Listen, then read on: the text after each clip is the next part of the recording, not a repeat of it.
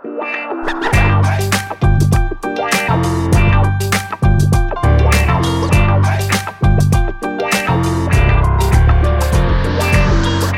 welkom bij een nieuwe aflevering van een podcast over voeding. In deze podcastserie gaan we in op de wetenschap achter voeding en laten we wetenschappers aan het woord over allerlei thema's die met voeding te maken hebben. Bart Mol van I'm Foodie is er natuurlijk zoals altijd weer bij. Hoi Bart. Ja, Arnoud. Ja, en ik eigenlijk moet misschien ook een klein beetje even mijn excuus aanbieden dat het een klein beetje ook aan mij ligt. Waarom we zo lang geleden eigenlijk een echte volwaardige podcast over voedingsshow hebben opgenomen.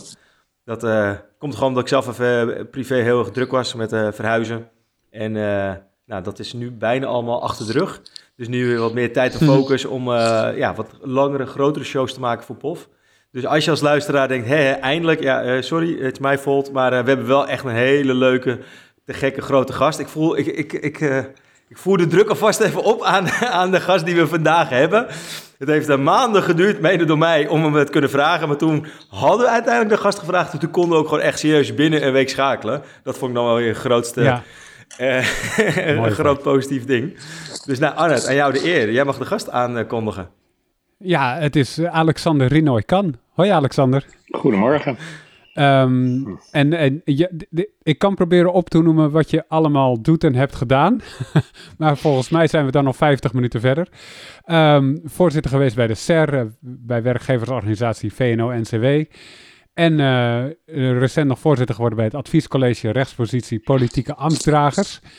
En dan zijn er nog allemaal andere, andere functies die je hebt bekleed of nog steeds uh, bekleed. Is er, is er nog eentje die ik echt moet toevoegen, Alexander? Voor dit gesprek is denk ik de meest relevante functie de functie die ik niet meer heb, namelijk van Eerste Kamerlid voor D66.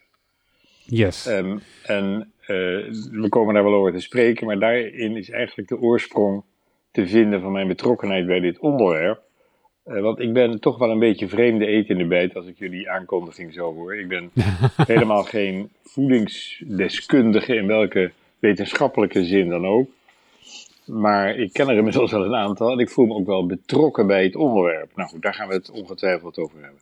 Zeker. We hebben trouwens afgesproken dat we jij en jou mogen zeggen. Ook Zeker. al voelt dat voor ons ook uh, niet altijd even, even logisch of gemakkelijk, maar het, het, voor het gesprek is dat wel precies heel handig. Want waar we het over gaan hebben is um, uh, uh, de, gezonde voeding bij jongeren.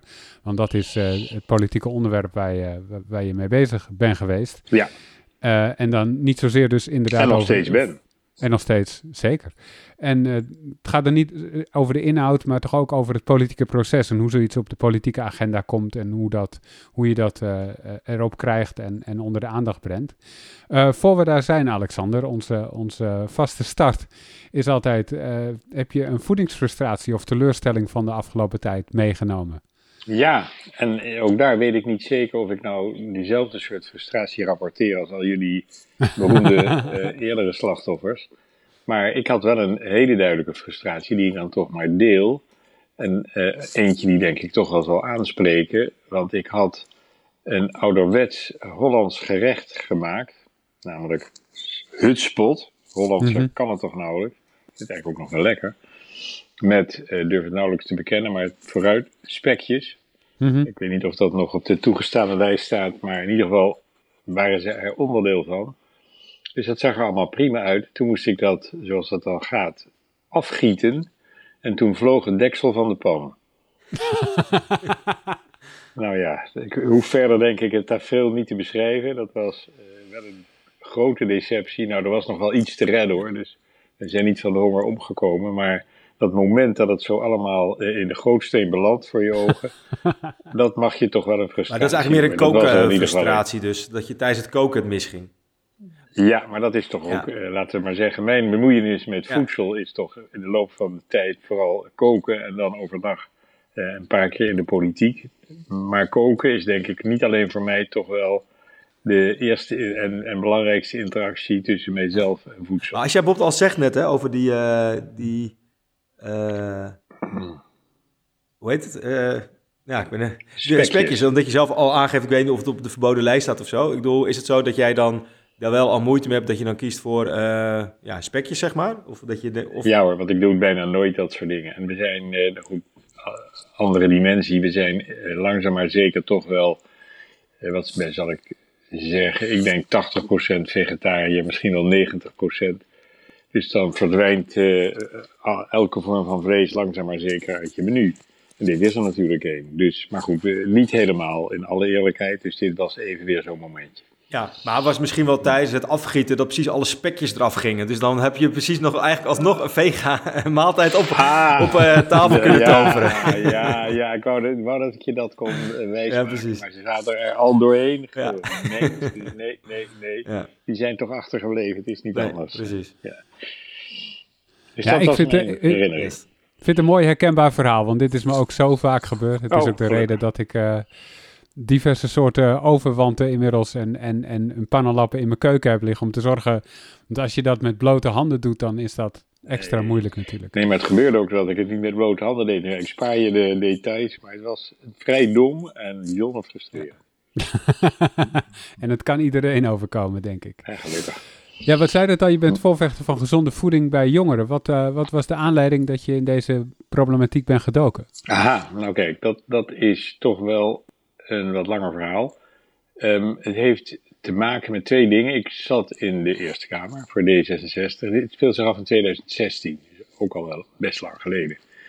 Uh, maar toen uh, waren wij aan het nadenken over de aanloop naar de eerstvolgende verkiezingen. Zoals dat gaat bij politieke partijen. En tezelfde tijd uh, werd ik geconfronteerd met allemaal aanmoedigingen van mijn oudste dochter, die zeer streng is in de leer waar het gaat om vegetarisch eten. En die bovendien um, een heel uitgesproken mening heeft over wat je geacht wordt daaraan bij te dragen, ook vanuit de rol die ik had. Dus die moedigde mij voortdurend aan om als onderdeel van dat programma ook aandacht aan eten en voedsel te schenken. Zoals zij dat zelf doet. Zij is heel conscientieus en daar voortdurend mee bezig. En tot onze grote vreugde mag ik wel zeggen, want onze kleinkinderen die, die lopen er patent bij. Dus niets dan lof. En, en toen uh, realiseerde ik mij iets wat ik me al heel vaak heb gerealiseerd. Dus in die zin is het ook niet zo nieuw dat Nederland in veel opzichten een bijzonder land is. Vaak positief, maar ook wel eens negatief. Mhm. En waar het hier dan om gaat, is het fenomeen van de schoollunch.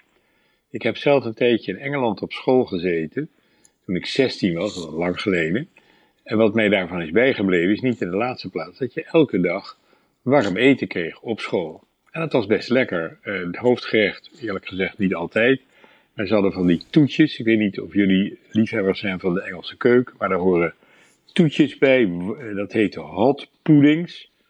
Een beetje warme, soort mix tussen cake en pudding, met altijd met van die warme custardsaus. Nou, ik vond het ongelooflijk lekker. Dus, goed, ja. Eh, die, die herinnering, die, uh, die was mij nog heel erg bijgebleven.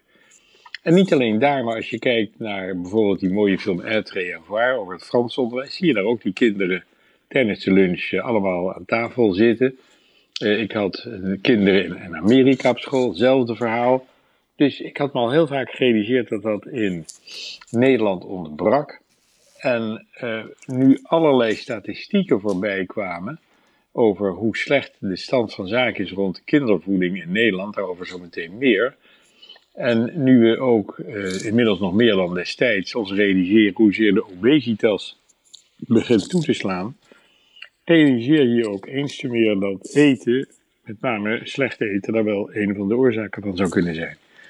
En dat is ook zo. De, bewijsmateriaal heeft zich tussentijds nog alleen maar verder opgestapeld. Zeker. Dus toen uh, al die argumenten op een rijtje stonden, dacht ik, ik zou toch eens moeten verkennen of we langs de politieke lijn daar niet iets aan kunnen doen. En toen raakte ik in gesprek met Jaap Seidel, die uh, hoogleraar is aan de Vrije Universiteit. Ik vermoed wel een eerdere gast in jullie programma, anders zou ik hem bij deze aanbevelen. Hebben jullie Een keer of 15 al, denk ik. Oh ja, ja wij maken inmiddels een uh, aparte rubriek met uh, Jaap, uh, Alexander. Dat heet ook Broodje Jaap. Okay. En dat is een wekelijkse show van een kwartier, 20 minuten. Kijk. Dat we de actualiteit Kijk. doornemen. Dus we moeten nog eventjes, het klinkt een beetje corny, we moeten nog even de groeten overbrengen. Want we nemen deze show ja. op een half uur na de show van Jaap. Dus uh, toen zei ja van, oh je doe me even de groeten. Dus nou, uh, bij, uh, ja. bij deze, voor alle luisteraars, ja, we nemen het gewoon op. Het is het zo, het is niet ja. anders. Maar ga verder, Alexander. Ja. Nee, nee, maar leuk om te horen en niet verrassend natuurlijk. Fantastische man die natuurlijk ongelooflijk veel van af weet. Onwaarschijnlijk veel meer. Je gooit er een kwartje in en hij gaat gewoon een kwartier praten. Dus, dus dat is Ja, mooi. dus, Ja, heel ja, veel kwartjes ja. erin. Ja. Dus deskundig, maar ook heel erg gemotiveerd. Ja. En toen hebben wij samen een artikeltje geschreven voor de opiniepagina van de NRC in 2016, waarin we eigenlijk dit verhaal nog eens een keer samenvatten. Eh, En dat begint gewoon bij de constatering dat er een probleem is, dat obesitas een steeds groter probleem wordt, dat kinderen in Nederland documenteerbaar slecht eten. Eh, allerlei cijfers kun je daarvoor aanvoeren, maar eh, wat mij het meest is bijgebleven is dat er volgens de Wereldgezondheidsorganisatie een minimumhoeveelheid groente is die kinderen per dag moeten eten. Dat is 150 gram. En wat ik niet wist, maar nu wel nooit zal vergeten, is dat het percentage in Nederland dat dat aantal haalt, dat is gelijk aan 1. Dus 99% van alle Nederlandse kinderen eet gewoon te weinig groente. En wat ze dan wel eten, is vaak ook heel erg ongezond. Veel te veel Mhm. vet, veel te veel suiker, te weinig vezels. Enfin, allemaal onderwerpen die jullie ongetwijfeld eerder behandeld hebben, maar die we toen op een rij hebben gezet. eh, met eh, allerlei eh, aanbevelingen daaromheen. De constatering is natuurlijk ook in Nederland en elders dat voor zover een groot probleem oplevert, dat vooral neerslaat in wat lage SES-milieus heet. Dus, dus lagere sociaal-economische kringen. Relatief arme wijken zijn wat dat betreft ook echt de slechtste wijken. Dus het slaat dan ook nog eens oneerlijk neer. En dat betekent dat eh, alleen al op die basis er additionele ongelijkheid ontstaat. Want kinderen die slecht worden gevoed, eh, le- leveren in de volle breedte slechtere prestaties.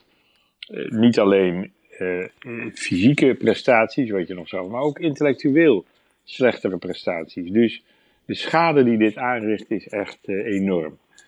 En Nederland is een van die uitzonderlijke landen waar dus de schoollunch niet bestaat, althans niet wordt georganiseerd van Rijkswegen. Eh, Tot in Amerika, echt geen socialistisch land met een grote overheid, doen ze het wel. Mhm. Dus wij liggen daar op een vreemde manier ook buiten en achter.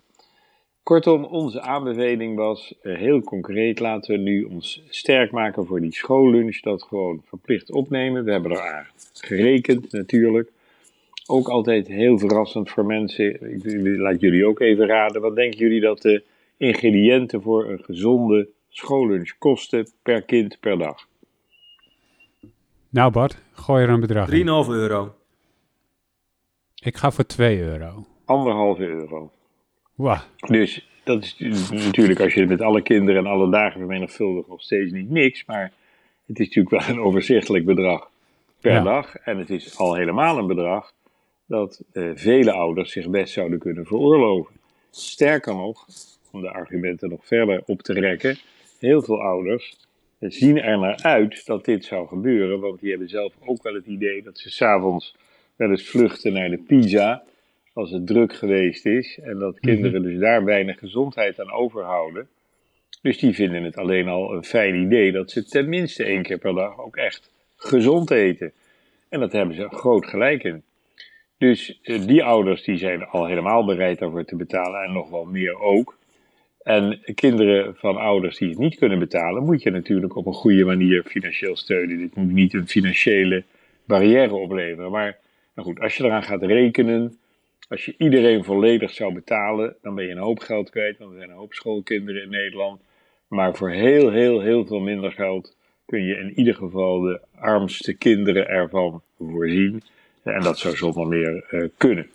Ja. Dus dat is eh, ook een dimensie die we bekeken hebben. We hebben ook gekeken naar hoe je het moet organiseren.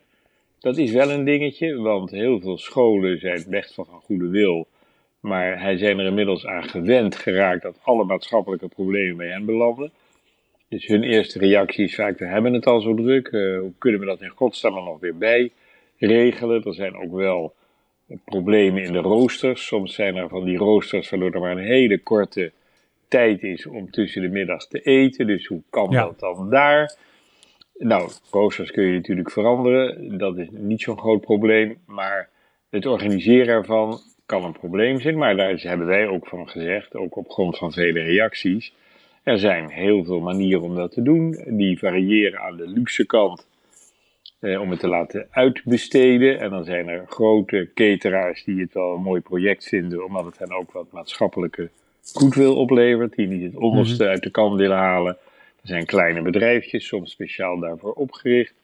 Er zijn moeders die het fijn vinden om wat bij te verdienen, juist ook vaak in die armere wijken, en die bovendien heel goed kunnen koken. En er zijn bovendien ook nog mogelijkheden om kinderen het zelf te laten doen. En dan leren ze er nog wat van. En het allermooiste, er zijn ook mogelijkheden om kinderen de ingrediënten daarvoor zelf te laten verbouwen. En dan leren ze er helemaal veel van. Dus ook daar een hele reeks mogelijkheden die wij konden aanreiken. Nou ja, maar dan, ja, want ik, ik wil even naartoe, want het klinkt allemaal heel positief. En ja, en ja vanuit de wetenschap staat erachter. Jij vanuit de Eerste Kamer slinger dit aan. Waarom hebben we dit dan niet sinds 2016? Aha, dat ga ik nu vertellen. Um, dus wat gebeurt er als je zo'n plan lanceert? Nou, er komt wat aandacht voor, dat is natuurlijk fijn. Um, maar er komt natuurlijk ook al onmiddellijk um, bezwaar en verzet. En het verzet kwam in dit geval ook vanuit de politiek. En, met name kwam het vanuit het CDA, tot mijn spijt. Uh, en daar is de lijn, en die hebben ze met moeite en pijn inmiddels een beetje verlaten, zeg ik dan maar. Maar heel lang niet. En ze waren niet de enige. Dat is een zaak voor de ouders. Daar gaan wij ons niet mee bemoeien. dat moeten ouders maar helemaal zelf weten en zelf organiseren als ze dat willen. Niet, niet iets voor de overheid. Zich niet realiserend, of misschien wel, dat maakt het nog treuriger, dat natuurlijk de ouders waar het hier dan toch vooral om gaat, die ouders van de arme kinderen, bij uitstek ook de ouders zijn die dat misschien nauwelijks zich realiseren, in ieder geval de kennis niet hebben, de tijd niet hebben, misschien ook het geld niet hebben, in ieder geval het komt er gewoon niet van. Die kinderen komen op school met een doosje, daar zit vaak een halve koude hamburger van de avond ervoor in. Mhm. Ja, dat is geen gezonde schoollunch. Dus je kunt dat natuurlijk in theorie wel zeggen, maar in de praktijk lukt dat gewoon niet. Dus wij zijn vanaf dat moment, uh, zo waar we konden, actief geworden om die boodschap nog verder uit te dragen. Jaap kan dat natuurlijk op heel veel manieren dan ik. Uh, maar ik heb het toch geprobeerd. En om dat lange verhaal een beetje in te korten, uiteindelijk ben ik erin geslaagd om het in ieder geval in het D66-verkiezingsprogramma te krijgen. en uh, nog een grotere sprong. Bij de afgelopen discussies in de Tweede Kamer kwam het beeld voortdurend naar boven van dat jongetje of meisje dat flauw viel van de honger op school. Mhm. Nou kijk, dat, zo gaat dat dan toch vrees ik, maakt ineens uh, heel veel emoties wakker. En we zijn nu in die zin een stuk verder. dat juist deze week, ik praat dus over uh, de week van uh, 15 november, er een, kamerzitting aankomt waarin de onderwijsbegroting wordt behandeld en er is een motie ingediend en aangenomen om in die onderwijsbegroting 100 miljoen euro in te ruimen, zodat in ieder geval de schoollunch voor de armste kinderen of schoolmaaltijden zelfs, wat een beetje ontbijt kan dan ook geen kwaad, voor de armste kinderen gerealiseerd kunnen worden. En dat bedrag zou daarvoor ruim voldoende moeten En uh, Alexander, mag ik even inbreken? Want ik wil even stilstaan bij, gewoon bij het politieke proces. Want wat je zegt, er is dan weer een, uh, een stemming geweest en een Kamermeerderheid hebben ze ergens een bepaalde motie hebben ze ondersteund. Maar zoiets hebben we ook al zes, zeven jaar geleden gehad in het kader van ook een gezonde schoollunch of een bepaalde koude uh, kamermotie over, dat is even een zijstap hoor, over dat uh, er heel veel producten worden gepromoot in alle reclamefolders die in ieder geval niet terugkomen in de schijf van vijf, waarvan ook wel eens wordt gezegd van, hey, zou daar niet wat beter op gestuurd kunnen worden vanuit de politiek of iets dergelijks. Maar. Kan je daar kort toelichten hoe dat dan werkt? Want in 2016 heb je dan zo'n opiniestuk geschreven samen met Jaap. Op een gegeven moment, jij bent dan uh, verbonden geweest of nog steeds aan de D66. Dan probeer je dus het politiek te maken. Maar hoe kan het zijn dat er dan tussen 2016 en nu eerst dus iets, ja, soort van ernstig moet gebeuren met een jongetje die flauw valt, dat dan pas zegt, oké, we gaan er nu wat aan doen. Hoe, waarom is dat gewoon niet in 2016, 17 al een bepaalde soort van politieke meerderheid of dat een daadkracht wordt getoond in plaats van ja, we blijven praten. Die, die, daadkracht die is er soms echt wel. Het beeld moet niet zijn dat dat nooit lukt, maar er kan ook echt wel eens een principieel punt achter schuil gaan. Hoe raar dat dan ook is als je dat principiële punt niet onderschrijft. En dat was hier echt het geval. Dus dat heb ik net verwoord. Er zijn dus politieke partijen die op principiële gronden zeggen: dat gaan we niet doen. Niet omdat het geld er niet zo zijn, want Nederland is een rijk land. Als je het echt wilt, dan kan het natuurlijk. Maar echt omdat ze vinden dat dat niet passend is. En niet hoort bij hun politieke prioriteiten, of sterker nog, daar haaks op staat. Nou ja, dan heb je echt wel een veel groter probleem. En dat is dus wel gebleken. Het heeft dus echt lang geduurd. Ehm, en wat ons geholpen heeft, is dan uh, inderdaad een incident. Ook wel, moet ik zeggen, echt vooruitgang in de kennis. Want uh, waar wij erg geboft hebben, wij dan de aanhangers van dit idee, is dat in de tussenliggende jaren er ruimte is gekomen voor wat additioneel wetenschappelijk onderzoek. En daar heeft Onno van Schaik zich heel verdienstelijk gemaakt. Ik weet dat hij ook gast was in jullie programma. En eh, hij heeft, zal hij wel verteld hebben, in Limburg, een van de slechtste steden van Nederland waar het gaat om dit soort voorzieningen, en ook met hele slechte gezondheidscijfers, kans gezien om op een aantal scholen een heel goed en zorgvuldig experiment uit te voeren, zoals je dat hoort te doen. Een aantal scholen kregen extra eten, goed eten bij de schoollunch. Een aantal scholen kregen extra gymnastiek, extra beweging. Een aantal scholen kregen allebei en een aantal scholen kregen niks. Uh, dus je kon het echt heel goed vergelijken. En tot zijn en mijn vreugde bleek toen al na een jaar of drie dat dit gewoon resultaten ging opleveren. En die meet je aan kans op obesitas. Dat is een hele mooie indicator van wat het moet opleveren. Een vermindering daarvan. En die waren al na drie jaar zo significant dat de investering in dit soort voorzieningen, eten en bewegen, gewoon rendeert dat als je het gezondheidseffect uitrekent en ook de kosten die je daardoor later gaat besparen, dan is dat de moeite waard. Nou, dit zal ongetwijfeld door hem nader zijn toegelicht en anders doe ik het bij deze, want het was een fantastisch nuttig en mooi onderzoek. En daar hebben we toch ook wel een aantal twijfelaars mee over de streep. Ja, nog even als uh, toevoeging voor, voor de luisteraar, waar het dan hier om gaat, is de gezonde basisschool van de toekomst. Wat dus inderdaad zijn oorsprong vindt bij Onderscheik en in uh, Landgraaf en in Limburg, in die contraien. Maar dat is eigenlijk meer het verlengde van de gezonde schoollunch. Dus de gezonde schoollunch is puur uh, nu en landelijk. Maar betreft dat dan nu een ad hoc maatregel? Of omdat er nu die 100 miljoen is en ja, geld moet toch ergens wat vandaan komen. Als het niet wordt uitgegeven, wordt het ergens anders weer niet aan uitgegeven waarschijnlijk. Hoe, hoe zie je dat, dan? Is dit een soort van ja, pleister op de wonden voor uh, dit en volgend jaar? Of uh, zijn er juist nu wel, of politiek ja. gezien, haakjes dat je juist die andere politieke partijen, die eerst fundamenteel tegen waren, dat er dus nu wel opeens ogen worden geopend en dat je het juist het politieke draagvlak verder kan ja, omarmen of kan versnellen? Ik hoop natuurlijk het laatste. Kijk, zeker weten doe ik dat niet. Dus dat moeten we voor een deel weer afwachten. Maar denk ik dan toch, als je het één keer doet, en het gaat mij natuurlijk dan vooral om die armere kinderen, maar echt niet alleen hoor, want, want rijke kinderen krijgen vaak ook heel beroerd te eten, alleen eh, chic beroerd. Eh, dat kan ook nog. Eh, allemaal eh, hamburgertjes en van die ogenschijnlijk verschrikkelijk gezonde reepjes met heel veel nootjes erin en ondertussen vooral ook heel veel chocola, heel veel vet en heel veel suiker. Ik wil maar zeggen, hè, die, die, die zijn dan wel lekker uh, en duur bovendien. Maar gezond zijn ze zeker niet. Dus het is echt niet alleen een arme kinderen probleem. Rijke kinderen worden ook te dik. Dat zullen hun ouders wel merken als ze dat al niet doen. Maar arme kinderen hebben nog wel een veel existentiële reden om hier belang aan te hechten. Uh, en als we dat nu uh, doen, en nu inderdaad echt wel in de volle breedte doen, over de komende twee jaar, nou ja, dan denk ik niet in mijn hart, is het toch ook wel weer heel lastig om het ineens af te schaffen. En dan heb je ook wel een mechanisme dat zegt dat als zoiets zich nestelt en zet en iedereen is eraan gewend en ouders vinden het fijn en de resultaten zijn goed, eh, dan eh, gaat er ook wel iets gebeuren. Maar ik kom daar wel straks op terug, want jullie geven mij straks ruimte voor drie takeaways.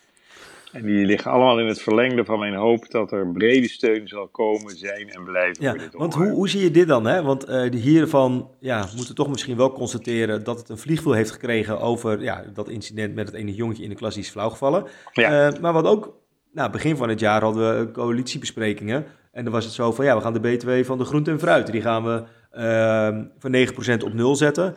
Vervolgens was het technisch niet mogelijk. Op, oh ja, dan hoor je weer verhalen van het is ja, wel uh, vermindering van inkomsten. Maar ja, dan moet je ergens anders weer aan compenseren.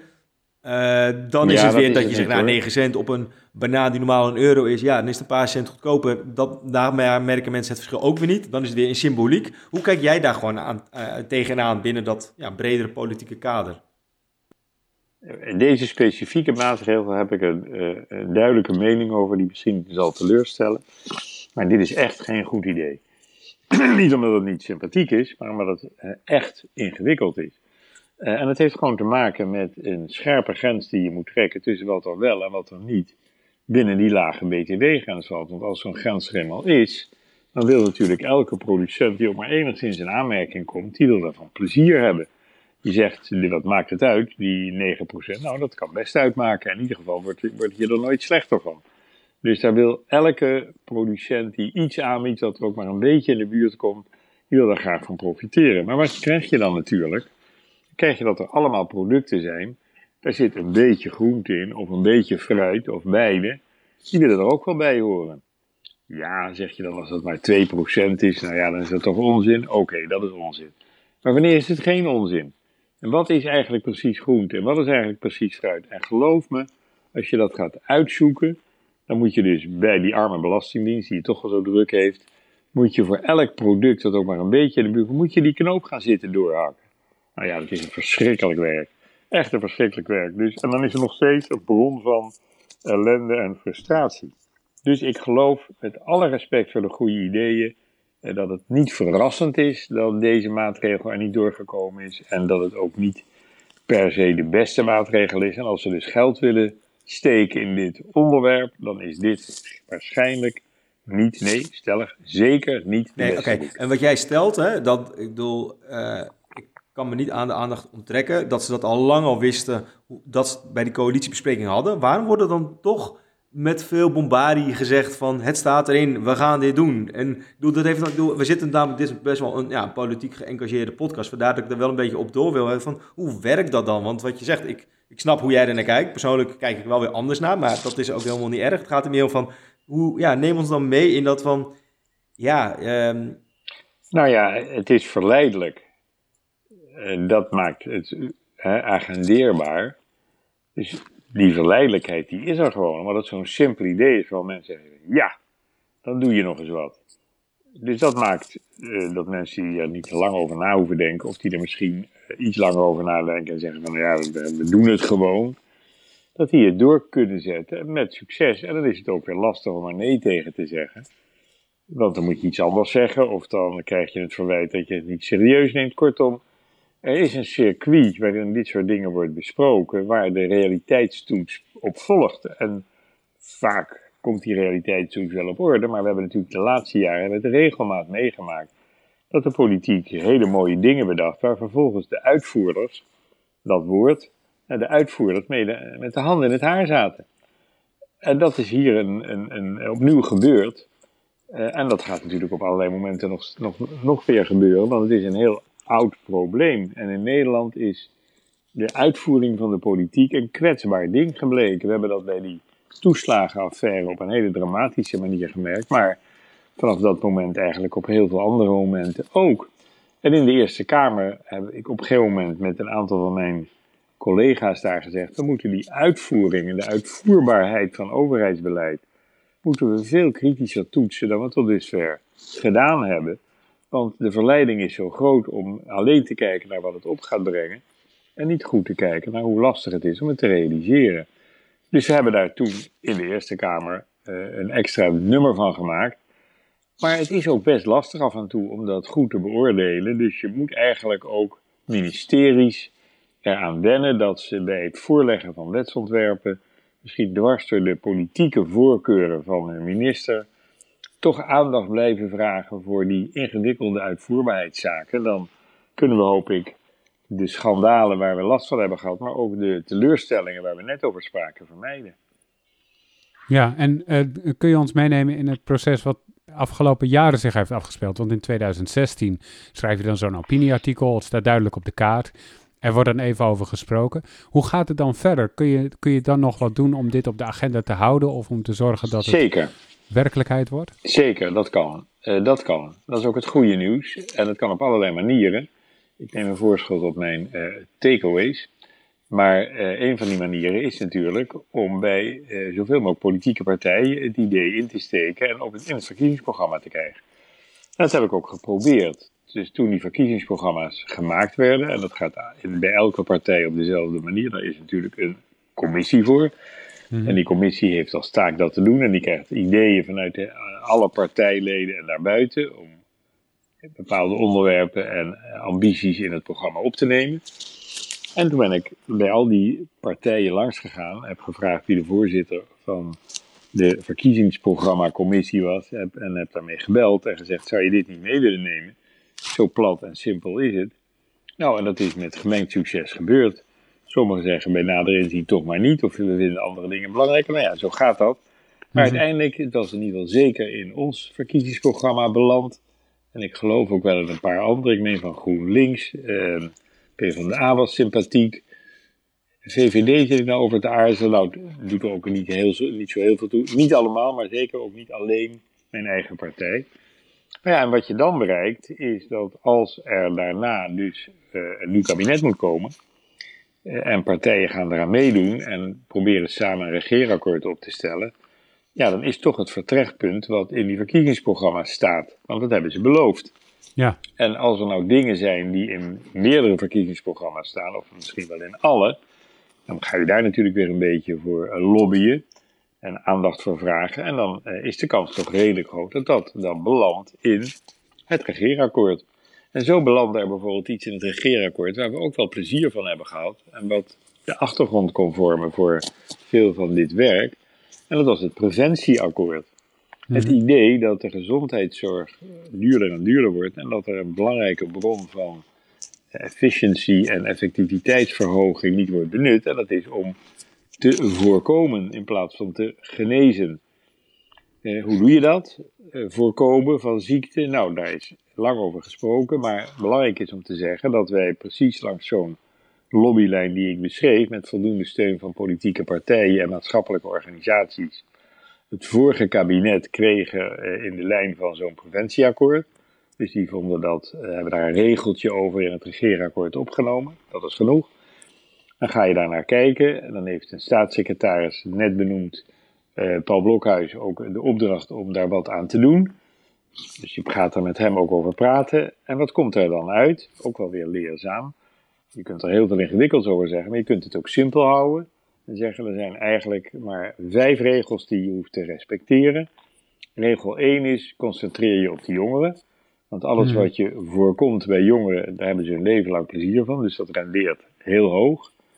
In de tweede plaats eh, zijn er dan nog vier dingen die je vooral wel of juist niet moet doen.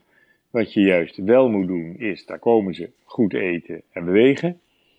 Niet verrassend, dat zijn de ingrediënten van de gezonde school bijvoorbeeld. Maar dat is ook echt bij uitstek de manier om die jongeren te helpen. En wat je dan vooral niet moet doen, ook niet verrassend, is roken en drinken. Nou, roken, dat weten we inmiddels wel. Er gebeurt overigens toch nog steeds heel veel. En ook heel veel door jongeren. Het is niet anders, maar het is wel slecht nieuws. En drinken, ja, daar denken mensen nog wel eens zo'n glaasje rode wijn, dat is toch hartstikke gezond. Maar het spijt me wel, misschien ook voor jullie een teleurstelling, maar eh, dat is echt niet zo. Het is gewoon helemaal niet gezond. Is het verschrikkelijk slecht, dan ga je er onmiddellijk dood aan? Nee, maar het is ongezond en het richt heel veel schade aan.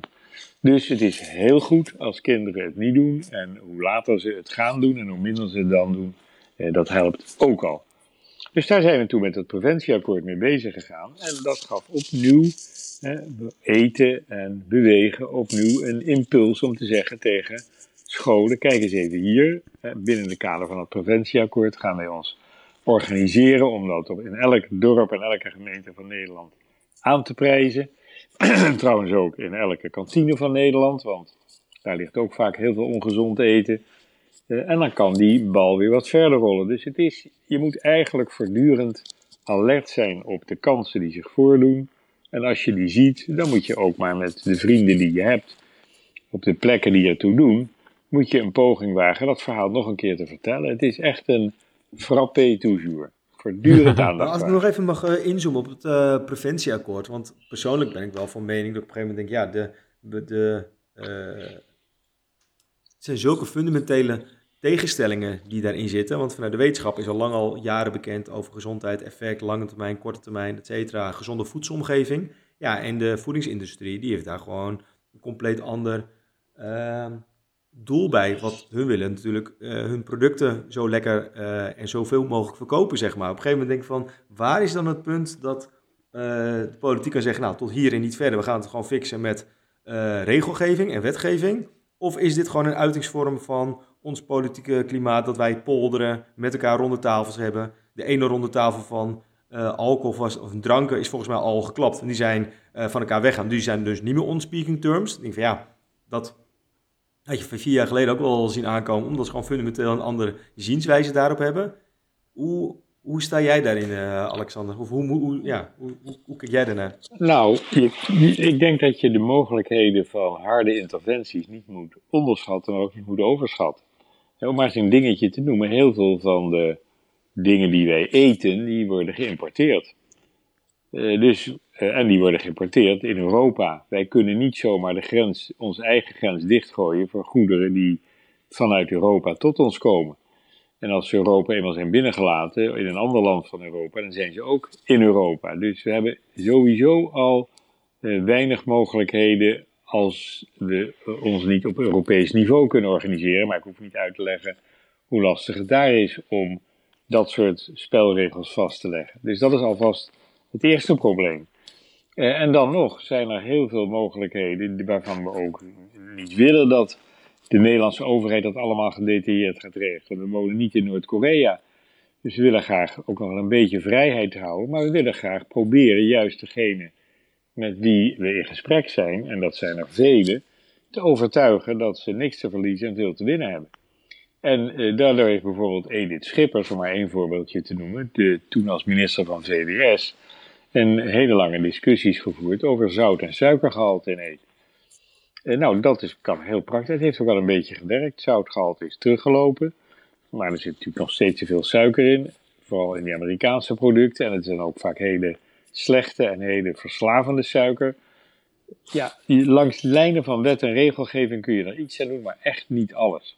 Dus je moet gewoon bereid zijn, vrees ik, het is niet anders, om ook langs lijnen van redelijkheid en geleidelijkheid uh, je best te blijven doen. En in Nederland hebben we dat tot een kunst verheven en zijn we daar helemaal niet zo slecht in.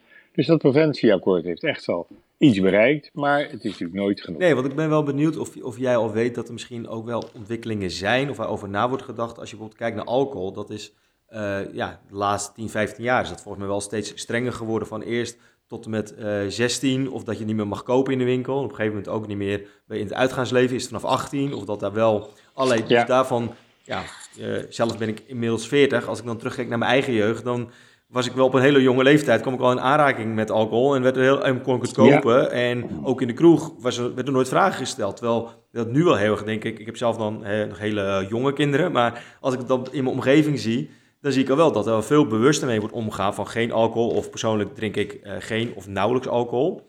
En ook in relatie dat kinderen dat uh, al niet zien of misschien wel zien, maar dat ze gewoon bewust zijn, joh, uh, wacht tot je 18e, want dan ben je ja, officieel volwassen en dan kan je je eigen keuze maken. Waarbij nog steeds advies is, joh, doe het niet of doe het echt met mate. Zie, zie je dan afgelijkingen met ten aanzien van ja, suikerhoudende producten of dingen, dat, dat ook die kant wel, uh, wel meer opgaan? Ik hoop het. En, en, ze zijn er, maar ze zijn toch ook niet uh, zo groot als je zou willen, in alle eerlijkheid. natuurlijk, er is wel vooruitgang. Het is natuurlijk wat je beschrijft uh, is, is, niet uniek en het komt uh, gelukkig vaker voor. Ik heb zelf ook mijn eigen kinderen veel te veel ruimte gelaten om te drinken. Dat hebben ze dus ook gedaan. nou, vanaf hun zestiende. Echt, uh, ik, ik schaam me ervoor, maar gewoon echt veel te veel. dus dat is, was een hele slechte start. Dat is nu wat beter. Scholen kunnen natuurlijk echt wel wat doen. We moeten ook die regel van 18 jaar, vind ik, hard handhaven. Dus uh, cafés moeten daar echt verantwoordelijkheid voor nemen. En als ze dat niet doen, dan moeten ze ook flinke boetes kunnen krijgen. Dat is gewoon een deel van hun ondernemerschap en ondernemersrisico. Hoort er gewoon bij. Dus ja, dat gaat wel een beetje goed. Maar wat ik een heel ontmoedigend voorbeeld vind, is roken. Waarvan we dan, ik denk eerlijk gezegd, nog meer dan bij alcohol, allemaal echt wel weten dat het slecht is. Uh, en ondertussen is het percentage van Nederlanders dat rookt nog steeds iets boven de 20 procent. En dat was een aantal jaren geleden misschien iets boven de 25 procent. Maar als het dus naar beneden gaat, en dat doet het geloof ik wel, is het langzaam. Echt heel langzaam. En die sigaretten worden natuurlijk duurder en duurder, maar je vroeg waarom regelen we dat dan niet hard? een pakje sigaretten 100 euro. Nou ja, de antwoord is natuurlijk eenvoudig. Over de grens in België kost het niet 100 euro. En dan wordt het op een gegeven moment, en wel eerder dan 100 euro, heel interessant om toch maar een paar dozen mee te nemen als je de grens overkomt. En dan krijgen we dus weer die ouderwetse sigarettensmokkel terug. Dus eh, de openheid van Nederland maakt het ook lastig om te interveneren. Het is niet anders. Ik hoor hier toch wel een beetje een, tegenstelling in je argumentatie, Alexander. Want aan de ene kant zeg je bij zo'n preventieakkoord, je moet niet te veel verwachten van, van streng handhaven. Maar als het gaat om alcohol onder 18, zeg je, we moeten daarop echt streng handhaven. Ja, op onderdelen moet het, als het kan, maar het kan niet altijd. Dat is eigenlijk mijn punt. En dit is nou toevallig een onderdeel dat je in ieder geval in cafés eh, redelijk streng kunt handhaven, want het is heel duidelijk waarover het gaat. En het is ook zichtbaar dat het gebeurt. Dus mhm. eh, dan moet je dat gewoon doen. Maar we willen niet eh, achter elk ontbijtbord een politieagent. Dus ja, maar... zijn, de mogelijkheden zijn niet nul, maar je moet ze ook niet overschatten. Een van de dingen waar, waar Jaap het al een paar keer over heeft gehad in deze podcast is bijvoorbeeld kindermarketing. Dus het, het feit dat er dan koekjes en, snoepjes zijn met cartoonfiguren erop die ja, op ooghoogte liggen van kinderen en zo in de supermarkt. Dat is natuurlijk ronduit evil. Um, uh, hoe sta jij daar tegenover? Moeten we, daarop, moeten we daar regels tegen hebben? Of moeten we dat afspraken maken met supermarkten om dat niet te doen? Hoe moeten we dat uh, Je moet afspraken proberen te maken met de adverteerders. Uh, en dat zijn soms supermarkten, maar dan adverteren ze eigenlijk andermans merk. Dus het zijn toch eigenlijk vooral de producenten zelf die die verpakkingen selecteren en het, die leuke Donald Duck erop zetten. Mm dus daar moet je mee in gesprek. En dat gebeurt ook wel. En er zijn, zo is Nederland ook alweer, trouwens Europa ook wel, zijn natuurlijk uh, organisaties en platforms en brancheorganisaties en forums en weet ik al niet wat waar je in dat uh, kunt doen. Dus je begint natuurlijk toch met dat te doen, want probeer maar eens te bedenken hoe je dan zou willen omschrijven wat er niet meer mag. Ja, maar even heel simplistisch gedacht, dat je zegt tegen, tegen de productie, oh, doe maar, het mag wel met Donald Duck en Paw Patrol maar dan is dat product gewoon vanaf nu 10 euro. Nou, dan weet je wel dat niemand het koopt. Want dan wil mensen, dan is dat, wil, daarvoor gaan mensen niet naar België om het te gaan importeren. En nou, voor die 10 euro ga ik niet die koekjes kopen met Donald Duck erop. Nee, maar zo makkelijk is het ook niet. We, hebben geen, we leven niet in Noord-Korea om de prijzen vast te leggen van dat soort producten. Ja, maar, maar is toch ook dus, best wel duur dus geworden? Die, met, die, met roken is toch ook... Ja, maar, maar is toch ook ja, ik rook zelf niet, maar als ik maar geloof is voor mij tegenwoordig een is voor een pakje. Denk nou, dat zijn stevige prijzen. Roken, daar is accijns op. Dus daar kan het. Die accijns kun je verhogen. Dat geldt trouwens ook voor alcohol. Maar gewone producten is helemaal geen accijns op. Er is natuurlijk wel een belasting op te heffen, maar dan is de vraag: op welke belasting ga je die heffen? En nu ga jij een belasting heffen eh, van niet alleen een klein beetje, maar van 300% op een product met een doosje, daar staat Donald Duck op. Nou, ik geef het je te doen. en uh, wat, wanneer staat Donald Duck dan wel op zo'n doosje? Ik bedoel, als je alleen dat snaveltje ziet, is dat al genoeg. Uh, als je zo'n enorme hoge belasting wilt hebben, je krijgt het er nooit door natuurlijk, maar als je het al zou kunnen realiseren in de politiek, dan over uitvoerbaarheid gesproken, wordt dat een mee. Dus het is echt niet zo makkelijk om dit soort mooie snelle ideeën maar in één keer te implementeren. En in zekere is het maar goed ook, want je wilt ook niet dat die regelende overheid zo hard kan interveneren. Nu bevalt het ons een beetje. maar misschien bevalt het ons op andere momenten helemaal niet. Mhm. En is er ergens iemand in de overheid die een hekel heeft aan de films die wij mooi vinden. En dan worden er de bioscoopkaartjes voor die film in één keer 500 euro. Dus dat wil je natuurlijk ook niet. Dus je wilt dat dat in zekere redelijkheid en rustigheid gebeurt. Maar ja, dan gaat het dus ook trager. Ja, ja dat, is, dat is wel gebleken. Wat, wat, wat, wat denk je is ongeveer als je eh, eh, eh, hoe moet ik dit vragen? Als je als, als politicus een idee hebt en waarvan je denkt dit moet er komen, wat is dan een redelijke termijn om te verwachten dat het er ook kan komen? Hoe lang duurt zo'n proces om dat te laten landen en, en te zorgen dat het, dat het werkelijkheid wordt? Dat hangt heel erg af van het idee. Er zijn sommige ideeën die zo grijpbaar zijn dat ze heel snel kunnen komen. Um, en uh, dat kan bijvoorbeeld zo'n schoollunch zijn als er een kind flauw valt. Dan kun je in een paar weken kun je zo'n kamermotie aangenomen krijgen en dan gaat het circus draaien. dan is die lunch er nog niet, maar dan is in ieder geval het idee wel werkelijkheid geworden. Ja. Andere ideeën zijn heel goed, maar kosten inherent heel veel tijd om überhaupt te doordenken en uh, voor te stellen. Ik neem bijvoorbeeld het fantastische idee van die OV-chipkaart, waardoor je nu overal in heel Nederland met één en hetzelfde kaartje kun je openbaar vervoer betalen. Nou, dat is echt een fantastisch idee. Er zijn toch maar weinig landen die dat zoveel elkaar hebben. Maar ja, dat heeft een enorme lange wordingstijd gehad. Ik weet niet of jullie nog kunnen herinneren. Ooit hadden we een strippenkaart. Mm waar je dus een paar, uh, vier of vijf of zes stripjes moest offeren voor zo'n ritje. Nou ja, als je dat vergelijkt met nu, is het onwaarschijnlijk veel beter. Dus dat kan, maar dat duurt ook heel lang. En soms heb je een hele lange aanloop nodig voordat je een politieke meerderheid hebt. Omdat het gewoon ook inherent controversieel is. En dat kan gebeuren als er een principieel punt in zit. En dan moet je maar net die 50% plus 1 zien te vinden die je wil steunen. Nou, dat hebben wij bijvoorbeeld een beetje meegemaakt rond het idee, Horus, dat zijn de ouders. Mhm. Dat is een principieel punt. Dus ja, dan kun je hoog of laag springen, maar dat principiële punt laten mensen niet zo gauw lopen. Is het dan frustrerend om te zien dat je ergens een paar jaar je echt heel hard voor maakt en probeert het werkelijkheid te, maken? En dat één zo'n incident met zo'n kind dan eigenlijk uh, het triggert dat het wel lukt.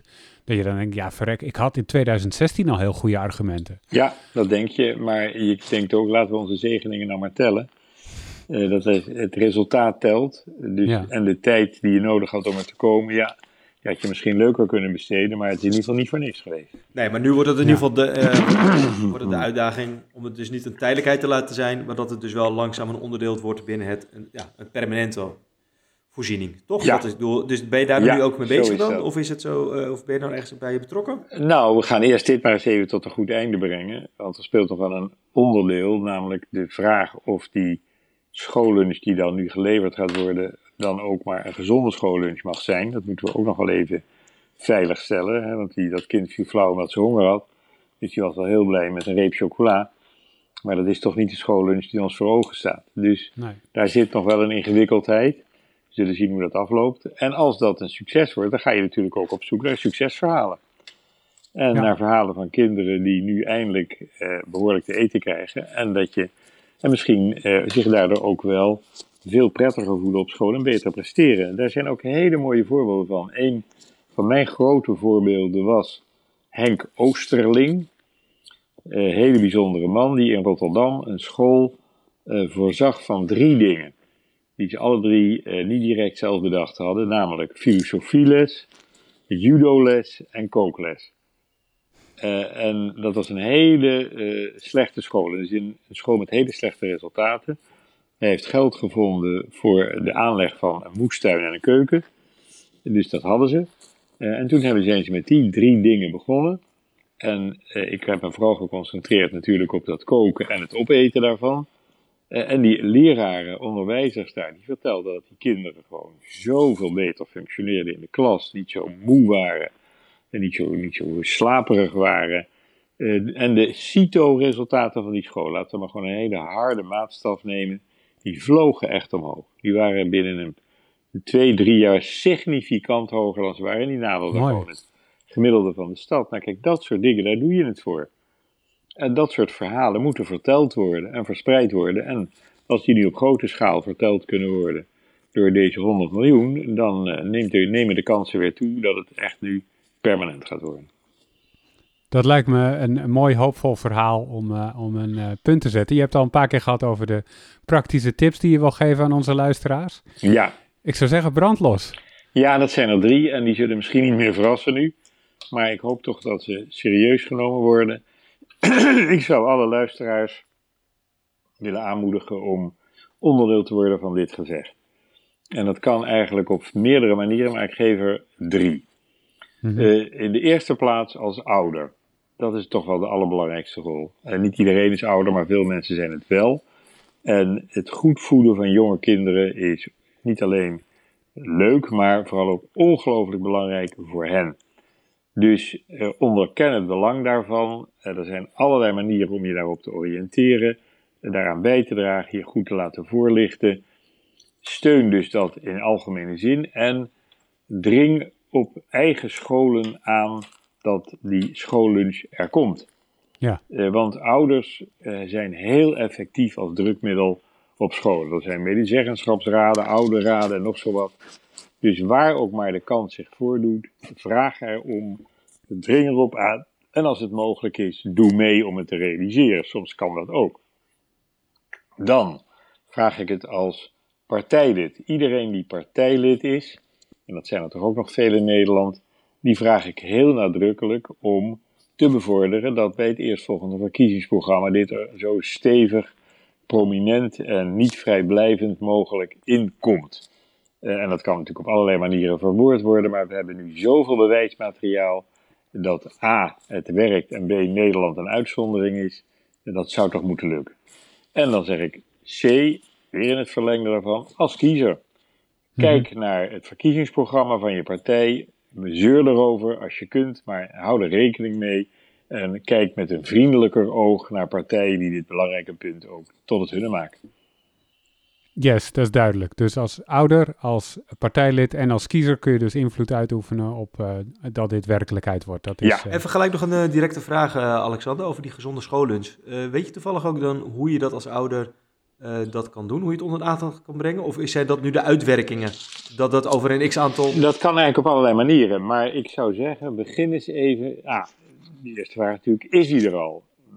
laten we hopen dat veel ouders zeggen, nou, ik heb geluk misschien, maar bij mij is het al goed geregeld. En als dat niet zo is, dan zou ik zeggen, eh, stap eens naar het schoolhoofd toe, de schoolleider, of ga praten met die onderwijzer en vraag, zou dat niet te regelen zijn? Zou ik daar bij kunnen dragen? Heel veel van die schoollunches zijn begonnen als experimenten, waarbij betrokken ouders met een groepje ervoor zorgden dat die lunch er kwam. Ehm, en dan op een of andere manier de financiering rondkregen.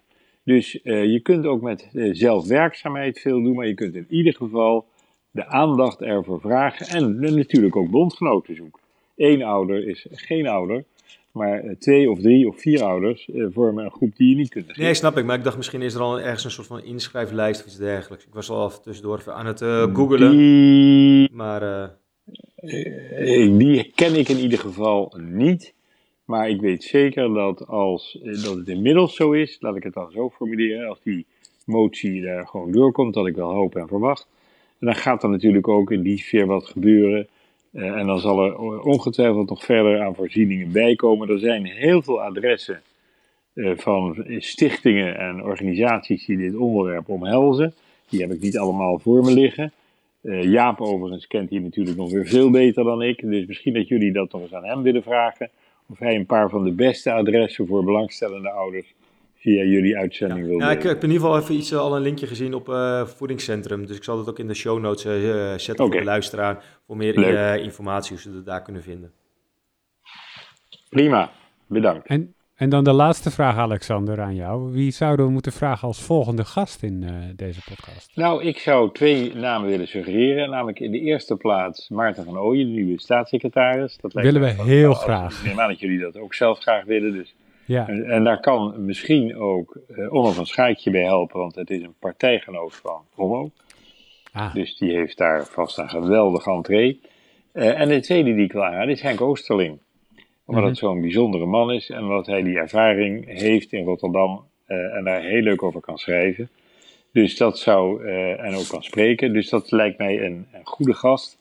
Uh, en iemand met een apart verhaal. Maar het zijn natuurlijk, zeg ik maar direct, geen hoogleraren voedingsleer in de klassieke zin die jullie geloof ik meestal krijgen. Dus ik doe dit in alle bescheidenheid. Helemaal goed, het zijn, het zijn mooie tips hey Bart, heb jij nog dingen vanuit Amefoodie die je tot slot van deze podcast nog even onder de aandacht wil brengen? Ja, nou eigenlijk uh, twee uh, dingen. Uh, we zitten nu op uh, in de Black Friday week. En het is toevallig ook vandaag Black Friday. Ja. Dus ehm, ja, ik zal ook even een linkje in de show notes zetten voor allemaal te gave, leuke deals die we ja, deze dagen hebben. Hij duurt bij ons een aantal dagen. We hebben ook de Cyber Monday erbij. En daarnaast wil ik nog even aandacht vragen voor een vriend van de show. Uh, vind je dit een leuke show en je wil graag dat we ermee doorgaan? Heb je nog een uh, ja, donatie ervoor overbewijzen van? Dan kan je naar vriendvandeshow.nl slash POV gaan. Of heb je nog suggesties voor gasten die we kunnen vragen? Laat het ons ook gewoon weten. Er staat een link in de show notes. Tot zover deze infoboodschap. Yes. dan wil ik nog even zeggen, vind je dit een leuke podcast? Geef ons dan sterretjes in je podcast app. Dat helpt anderen ook om ons te vinden. En wij vinden het zelf natuurlijk ook leuk om te weten wat je ervan vindt. Dat kan je nog meer doen door een recensie achter te laten als dat kan. Uh, dan weten we nog meer over wat we kunnen verbeteren of dat je het heel leuk vindt, dat kan ook. Uh, rest me jullie te bedanken. Dankjewel, Ja, zeker. Ik vond het hartstikke leuk, uh, Arnoud. En vooral dankjewel, Alexander. Graag gedaan. Veel succes. Jij bedankt voor het luisteren en tot uh, de volgende keer. Later.